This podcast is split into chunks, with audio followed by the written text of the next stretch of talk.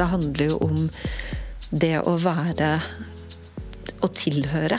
Ikke sant? Det å være en del av noe annet enn bare det individet man er. Ikke sant? Og det blir man når man kommer ut i gruppa, i fellesskapet. Og det fellesskapet er jo også i familien, selvfølgelig. Men det å tilhøre et større fellesskap enn kjernefamilien, det tror jeg er veldig viktig.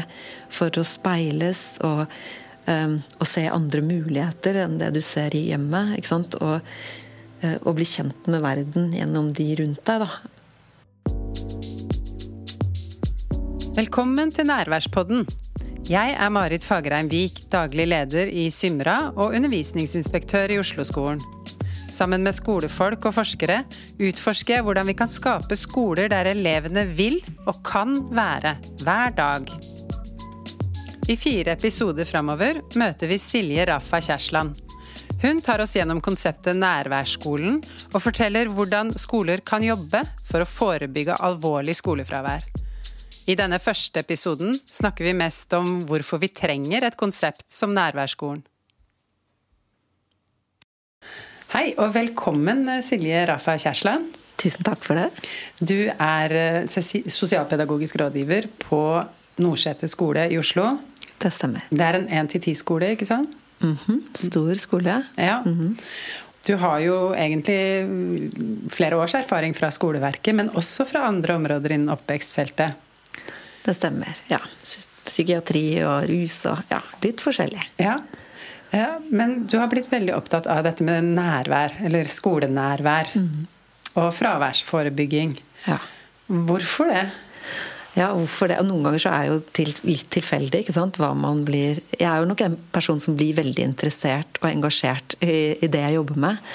Men i 2014 så fikk jeg jobb eh, i et prosjekt som het Ungdomslos i Frogn kommune. Eh, og der eh, hadde jeg i oppdrag å koordinere et treårig prosjekt hvor vi skulle undersøke og finne løsninger på hvordan vi håndterte skolefravær. Jobbet på system- og individnivå. Så det betyr at jeg jobbet ute i skolene med skoleledelse, lærere og opp mot kommunen i forhold til hvilke systemer som skulle gjelde for alle skolene i kommunen. Men også helt tett inn i individuelle saker. Var hjemme hos familier og jobbet med foreldre og elever. Så det var ganske sånn god bredde. Og så var det så spennende og så givende at jeg har fortsatt å jobbe med skolefravær og nærvær siden 2014. Så det er snart ti år. Ja. Hva lærte du da av å være ungdomslos? For det første så lærte jeg veldig mye om om fra, hvordan fravær utvikler seg. Altså om fenomenet, rett og slett. Jeg hadde nok ganske mange tanker om det i forkant som ikke viste seg å stemme. Mm. Har du noen eksempler? Ja, f.eks. at jeg hadde noen ideer om at det kanskje var større sammenheng mellom det å ha det faglig vanskelig på skolen og det å få høyt fravær. Mm. Så at det være, var mye mer jevnt fordelt enn det jeg først hadde tenkt. Også litt sånn om familiebakgrunn, hvordan det spilte inn. Så jeg, jeg har lært veldig mye om hva det er at, at, det er ganske mye mer tilfeldig hvem det er som kan utvikle problemer med stor, stort fravær. Mm. Ja. Og så er det som jeg har kanskje blitt aller mest opptatt av, det er hva det er vi kan gjøre for å forebygge og forhindre at, ja. at barn, havner, barn og ungdom havner i den situasjonen. Da. Ja, mm. Og det har du jo brukt mye tid på i etterkant av uh, ja. det å være los. Ja. For det som skjedde da jeg kom inn i Frogn, det var jo at det var, tanken var at jeg skulle jobbe med, med fraværssaker som var litt sånn i startgropa. Uh, hvor det ikke var gått så langt, eller liksom ikke var et problem som hadde, hadde blitt så fastlåst. Og så isteden så endte det opp med at jeg fikk de aller tyngste fraværssakene i kommunen. Og I starten var det ganske utfordrende og frustrerende, for jeg kunne ikke så mye om det. Jeg måtte lære underveis. Og, og, og for alle oss som har vært borte i sånne saker, så, så, er det veldig komplekst. Og det krever utrolig stor innsats for å få, få til resultater. da. Men samtidig så er jeg jo veldig glad for at det var nettopp de sakene jeg jobbet med. Fordi at eh, For det første så gjør det veldig sterkt inntrykk å jobbe med noen som havner i en så fortvila situasjon. Mm. Um, og man lærer man lærer på et litt sånn annet nivå enn hvis man jobber med eh, litt enklere problematikk. Så det at det var sammensatt og komplekst, det, det er jeg veldig glad for i ettertid. Mm. Uh, og så er, har jo det blitt en kjempestor motivator uh, for å, å, komme inn tidligere. For det var jo det jeg så i fjor, at vi fikk ikke det til.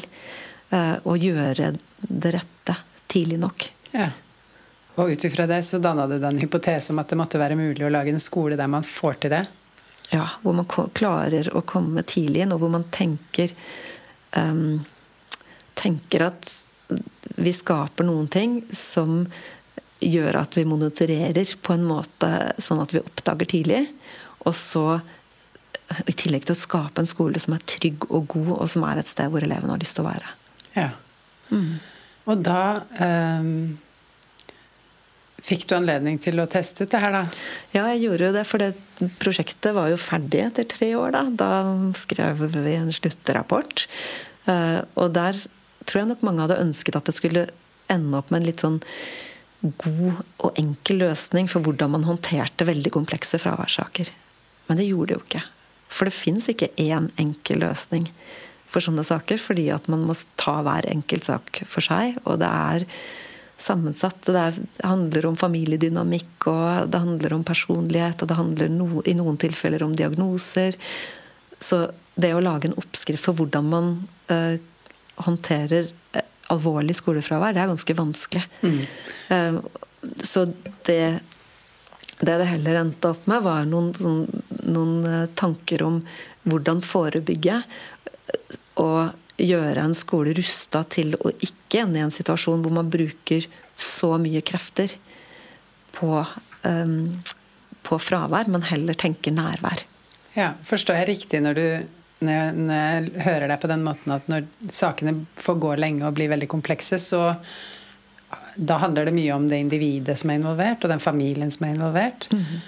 Og at det er vanskelig da å løse det fra skolens perspektiv, f.eks. med endringer og tiltak? Ja, og så er det jo sånn at sånn er det jo med alle problemer. At eh, jo lenger det problemet får lov til å gå, eh, jo mer fastlåst blir det. Eh, så det at man I noen av sakene jeg jobbet i, så hadde jo situasjonen vart over mange år. Ikke mm. sant? Jeg, det som var ganske avgjørende i sånn kunnskapsmessig i det prosjektet i Frogn, det var jo at jeg var jo knyttet til ungdomsskole. Og det, da jeg undersøkte nærmere i alle de sakene jeg jobbet med, jobbet med over 30 saker, så hadde jo fraværet startet mye før. Det hadde startet langt ned i barnetrinn. Noen meldte om at de allerede hadde hatt vansker fra barnehagen. Så det at vi kom så sent inn som på ungdomstrinnet, det var altfor sent. Så det eh, Det er en sånn viktig bit at man hele tiden er obs på hvordan man kan fange opp de små signalene mm. mye tidligere. For da, hvis man kommer inn tidlig, så kan man gjøre tiltak på skolen? I hverdagen. Og da blir jo den prosessen med å hjelpe og gjøre endringsarbeid den blir jo mye kortere. Ja. Men hvis noen har f.eks. ligget hjemme, vært hjemme på rommet sitt i tre år, ja. da sier det seg jo selv at det å snu det det, en, eh, det krever formidabel innsats. Ja. Av veldig mange. Ikke bare av skolen, ikke bare av foreldrene eller eleven selv, men av øvrig hjelpeapparat. ikke sant? Mm. Mm. Og det snakkes jo veldig mye om dette i media. Nå i sommer har jo TV 2 hatt en serie med artikler og også noen nyhetsinnslag mm -hmm. um, om situasjonen i Norge når det gjelder fravær. Um, men man ser at det også er en internasjonal trend. Absolutt. Det er økende fraværstall egentlig overalt. Og ikke bare i Europa eller vestlige land, men i afrikanske land, i søramerikanske land. Ja, Det virker som at det er en sånn generell trend. Ja. Uh, vi skal ikke gå inn i spørsmålet om hvorfor det er sånn, men du har funnet noen svar på hva man kan gjøre med det. Kan ikke du fortelle om det konseptet du har utvikla som heter Nærværsskolen? Ja, altså det er jo Vi skal jo komme enda sånn dypere inn i det etter hvert i, i de neste episodene. Men, men nærværsskolen i store trekk handler om å komme tidlig inn.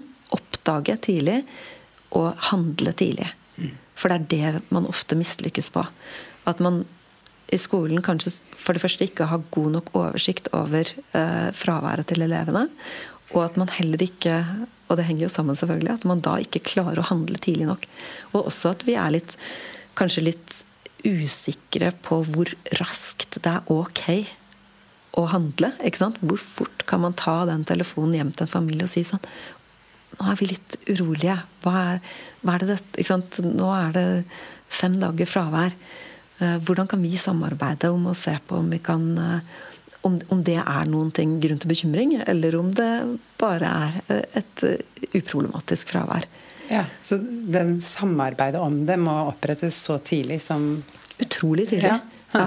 Så, det, så, nærværsskolen handler om å, å, skape en skole der man hele tiden har som mål at, man, at elevene har så lavt fravær at de er best mulig rusta til å gjennomføre videregående opplæring.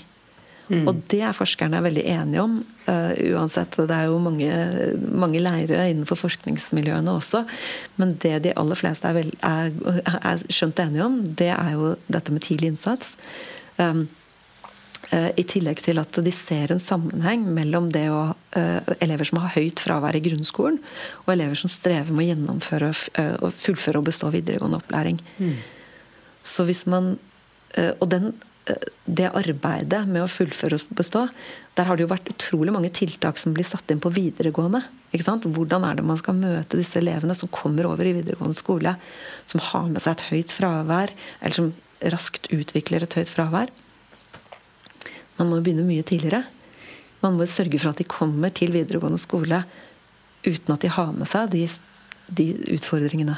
Ja. At de er rusta, mm. robuste og trygge. Mm. Og uh, at de har lært seg at skolen er et system hvor man kan si fra når man syns noe er vanskelig. Og at man får hjelp, at man får tilrettelegging. Mm.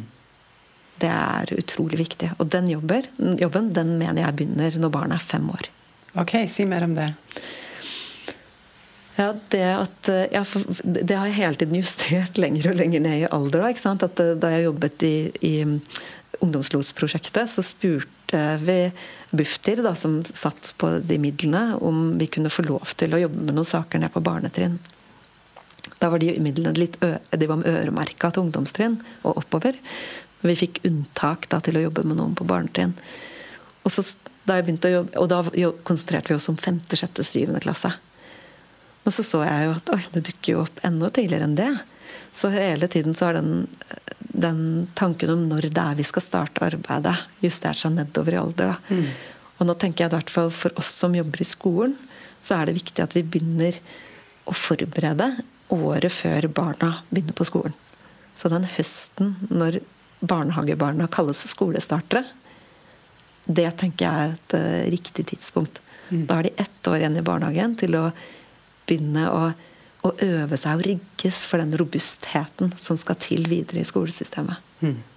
Og hva er det som skal til da for, å, for at barn skal lykkes i skolesystemet vårt? Ja, Det er jo det er et, et, veldig komplekst svar, selvfølgelig. Mm. Og det er jo det vi skal forsøke å, å, gi noen gode svar på gjennom de neste episodene. Men, men um, jeg, jeg, tenker at veldig mye handler om god dialog mellom skole og hjem. Og, og trygghet, skape trygghet og allianse mellom skole og hjem. Sånn at man hele tiden er på lag i det arbeidet for barna, da, for eleven. Ja. Altså, um, I samfunnet vårt så er det jo mange syn på skole, selvfølgelig. Mm -hmm. Det gjengse, veldig sånn overordna synet er at alle skal gå på skolen, alle skal gjennom 13 år med skole. Eh, og det er et slagord som heter 'fullføre og bestå'. Ja. Eh, alle skal ha grunnutdanninga, som selvfølgelig er grunnskolen, men som i dag også er videregående opplæring. Ja. Eh, men kan vi pirke litt i det? Hvorfor er det så viktig? Hva tenker du om det? Jeg tenker jo at Her spiller jo den tiden vi lever inn, i veldig inn. ikke sant? For det er jo ikke så mange år man skal tilbake i tid før de tre, altså før videregående også inngikk Eller har begynt å Eller ikke inngikk ikke sant? i det kravet eller den forventningen.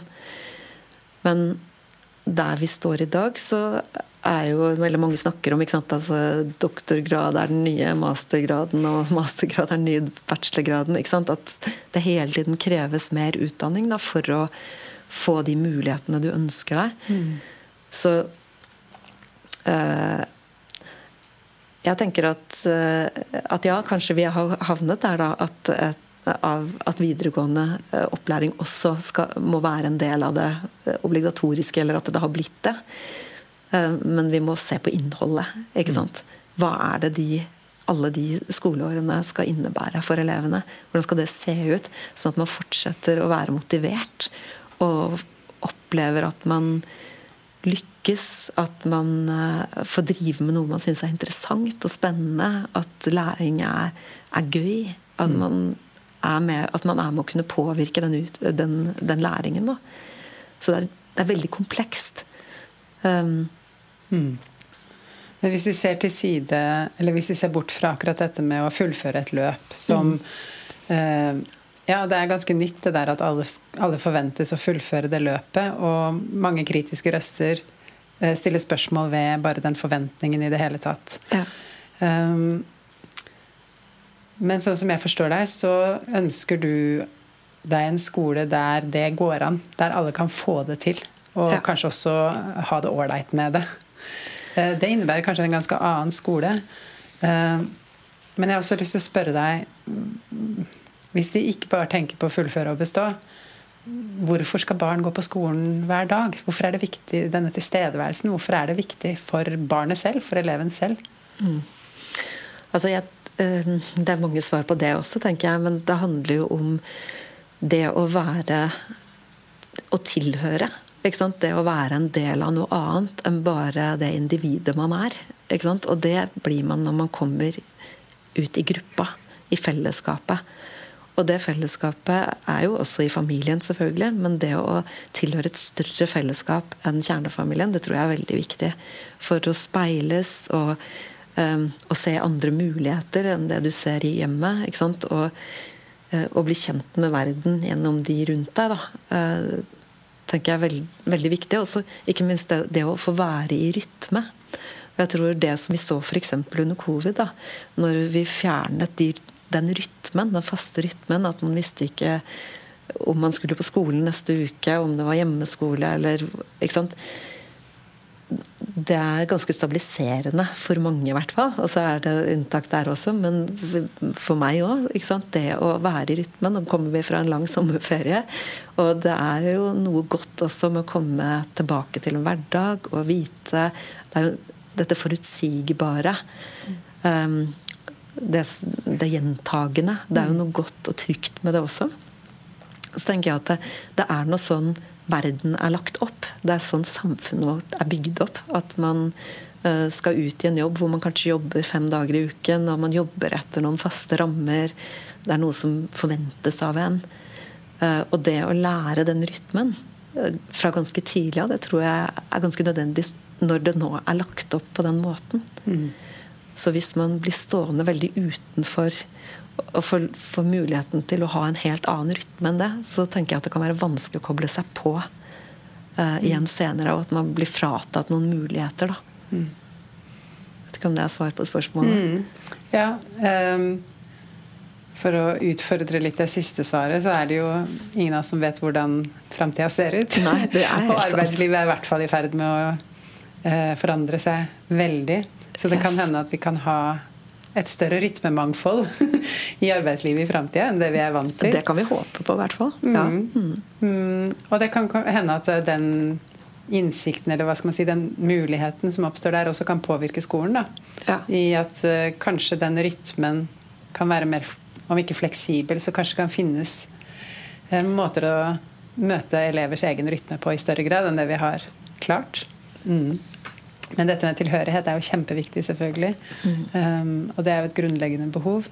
Um, og, så, og, så, tenker jeg også i forhold til at man gjerne tenker, eller er rask til å tenke den faglige læringen i skole. Mm. At når du ikke er te, eh, til stede på skolen, så mister du det faglige. Men det sosiale er jo så utrolig viktig også. Det å, å, få med deg alle de små um, ja, de små knepene og, og, det som handler om å, å, fungere som menneske sammen med andre mennesker. Mm. Det skjer jo, Den læringen skjer jo for hvert trinn i skolen. At du går Jeg tror det er veldig skummelt å havne på utsiden av det også. Ja. Mm. Og det vil jo et barn merke veldig umiddelbart. Ja. Mm, for det, det, orienterer vi oss etter alle sammen ganske mm. sånn fra dag til dag. Og så er det jo det med tid. For et barn så kjennes jo gjerne eh, To uker kan kjennes ganske mye lenger enn for oss voksne. Mm. At hvis man har vært ute av noe bare i en uke, så kjennes det kjempelenge. Mm. Mm. Um, den skolen du ønsker deg, høres jo ut som den er litt annerledes enn den vi har i dag. På mange måter, i hvert fall. Ja. Det, jeg tenker at vi, er, vi, har, vi har som alle andre institusjoner så har vi stort forbedringspotensial. Ja. Og det er, eh, men jeg syns jo også de siste årene at det har skjedd veldig mye positivt i skolen. At det er mye endring på gang allerede. Og så skal det mer til. Men eh, bare hvis man tar f.eks. relasjonskompetanse i skolen, da. Der har det jo skjedd en liten revolusjon de siste årene. Og nå er det jo spesielt fokus på dette i Oslo-skolen, men eh, også andre deler av landet som tenker at den, eh, den varmen og mellommenneskelige kompetansen, måten læreren møter elevene på, forstår og ser elevene på, at der er det jo, er jo ferd med å skje et løft. Mm. Så det er jo mye, mye positivt som skjer. Ja, Og den nye læreplanen drar vel kanskje i akkurat de retningene i særlig grad, når den ja. formulerer veldig tydelig barns rett til tilhørighet, f.eks. Ikke sant. Og mm. medvirkning. Ja. Mm. Mm. Uh, vi skal utforske litt mer i detalj hvordan denne nærværsskolen ser ut -hmm. uh, i de videre episodene. Vi avslutter her. Tusen takk for i dag. Takk skal du ha. Og så høres vi neste gang. Det gjør vi.